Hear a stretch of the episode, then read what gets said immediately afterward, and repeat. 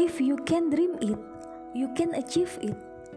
Kalau pikiran kita dan perasaan kita selalu dilimpahi perasaan positif, dengan sudut pandang positif, dengan kosakata positif, jalinan hidup kita akan cenderung bergerak ke arah positif.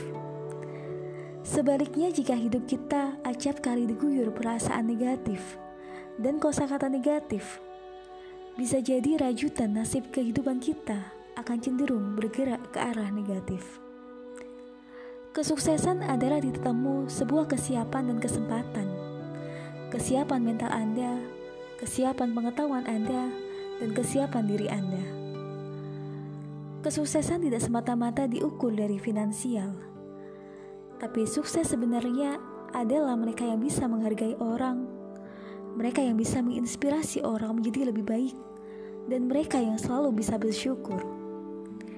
Ketika landasan itu sudah sukses, maka kesuksesan finansial akan datang menghampiri.